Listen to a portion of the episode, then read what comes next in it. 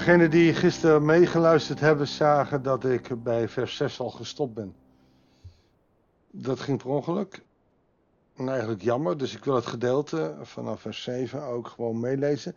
En kijken waar we vandaag zullen komen. Goeiedag, hartelijk welkom bij een nieuwe uitzending van het Bijbels Dagboek. We lezen 2 Koningen 17, niet vanaf vers 13, maar vanaf vers 7 tot en met 23 dit alles gebeurde, dus het feit dat die ballingschap er kwam, omdat de Israëlieten zondigden tegen de Heer. Een God die hen had bevrijd uit de handen van de farao, de koning van Egypte, en hen uit Egypte had weggeleid. In de Bijbel staan twee keer, twee vermeldingen telkens. God is de schepper van hemel en aarde, als we willen zien wat zijn macht en kracht is. En aan de andere kant ook de bevrijder. God is een bevrijder. Uh, en dan wordt altijd de bevrijding uit Egypte gehaald. Zo is hier. Ze waren andere goden gaan vereren en volgden de levenswijze van de volken die de Heer voor hen verdreven had. En de bepalingen die de koningen van Israël zelf uitvaardigden. De ik, ik, ik, ik, ik en de ego van de koningen. Ze hielden er onjuiste denkbeelden over de Heer hun God op na. Overal waar ze woonden, van de kleinste wachtpost tot de sterkste vestingstad, bouwden ze offerplaatsen. Op hoge heuvels en onder elke bladerrijke boom richtten ze gewijde stenen en asjerpalen op. En op al die offerhoogten ontstaken ze offers. Die asjepalen, daar ging dan een dier op en dat offerden ze. Naar het voorbeeld van de volken die de Heer van hen had weggevoerd. Met deze kwalijke praktijken tergden ze de Heer. Ze dienden afgoden, hoewel de Heer hun dat uitdrukkelijk verboden had. En telkens opnieuw vermaande de Heer Israël en Juda bij monden van de profeten en de zieners. Keer terug van jullie dwaalwegen en houd je aan mij geboden bepalingen. Aan de wet die ik jullie voorouders heb opgegeven. En die jullie door mijn dienaren en profeten is overgeleverd. Dat is het gedeelte waar we zouden starten vandaag. God maakt hier duidelijk door uh, de koningenbrief dat het volk afdwaalt. Het grappige is, of het grappige is niks grappigs aan, maar uh, hij vernietigt het volk niet, maar doet zijn ballingschap. Hij straft ze, hij doodt ze niet. Hoewel, er zijn momenten dat hij het wil. En denk je dat ze ervan leren? Nee, vers 14. Maar even halstarrig als hun voorouders die geen vertrouwen stelden in de Heere God, weigerden de Israëlieten te luisteren. Ze trokken zich niets aan van zijn bepalingen van het verbond dat hij met hun voorouders had gesloten en sloegen zijn waarschuwing in de wind. Ze liepen achter nietige goden aan en werden zo zelf nietswaardig. Want waar je mee omgaan, word je mee bevestigd of mee begiftigd. Ze volgden het voorbeeld van de hen omringende volken. En hoewel de Heer dat verboden had. Ze veronachtzaamden alle geboden van de Heer hun God. Ze goten twee beelden in de vorm van een stierkalf en maakten een asjerpaal. Ze aanbaden de hemellichamen en dienden Baal. Het is heel makkelijk om een verkeerde godsdienst te creëren. Ik ben in Bolivia geweest. En in Bolivia was door de Spanjaarden het Rooms-Katholicisme gebracht. In de Rooms-Katholieke kerk heb je moeder Maria. En de herkenning voor deze mensen in Bolivia destijds was de herkenning dat zij moeder aarde vereerde.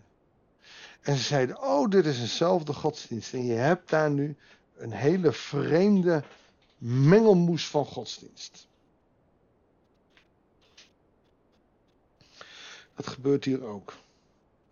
Ze kennen de God en als het eruit uitkomt willen ze er best wat mee doen. Maar die afgoden is veel mooier. Dan zie je een stierenkalf, dan weet je wat je aan bent. Als je asje paal, dan kun je in het geval van mensenoffers mensen offeren.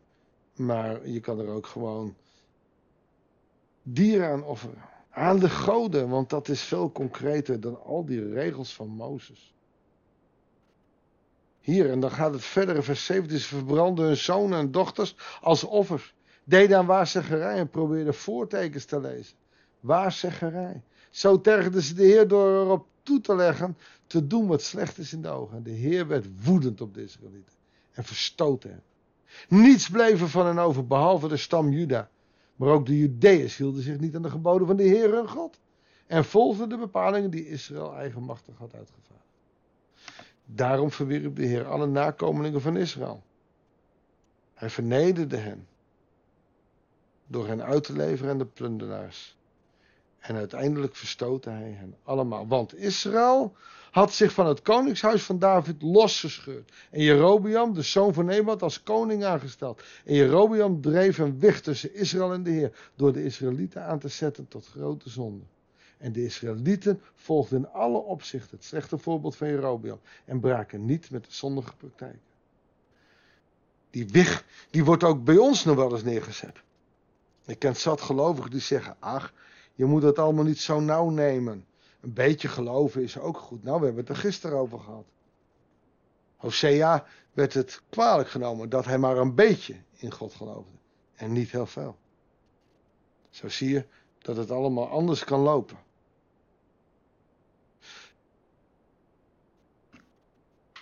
En uiteindelijk verstoten de Heer Israël, zoals hij bij monden van alle profeten en dienaren had voorzegd. En de Israëlieten werden in ballingschap van hun grondgebied weggevoerd naar Assyrië.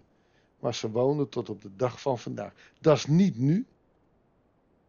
Dat is op het moment dat dit geschreven wordt. En hier laat God zien dat het, het volk zijn eigen schuld is. Wat zegt het over jou en mij? In hoeverre volgen wij God in alles wat we doen? Zijn wij gehoorzaam aan zijn wet? Zijn wij gehoorzaam aan zijn wil? Of doen wij maar genoeg wat gruwel is in de ogen van de Heer? Volgen wij God? Volg jij God? Doe jij zijn wil zoeken of doe je maar wat? Het is goed om jezelf te onderzoeken. Of je niet hetzelfde doet als, als de Israëlieten in die tijd. De grootste afgod die wij kunnen dienen, dat is onze eigen ik. Ik waarschuw je. Trap daar niet in. Zullen we bidden, Heere God, wilt u ons beschermen tegen het kwaad wat in onszelf schuilt. Tegen onze eigen ego, want die ego, die kan door Satan wel beïnvloed worden.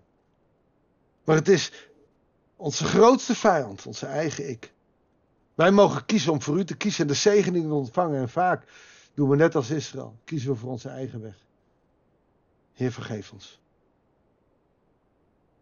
Red ons uit de band van het kwaad. Dat bidden we u. In de naam van Jezus, onze Heer. Amen. Dankjewel voor het luisteren. Ik wens je God zegen en heel graag tot de volgende uitzending van het Bijbelsdagboek.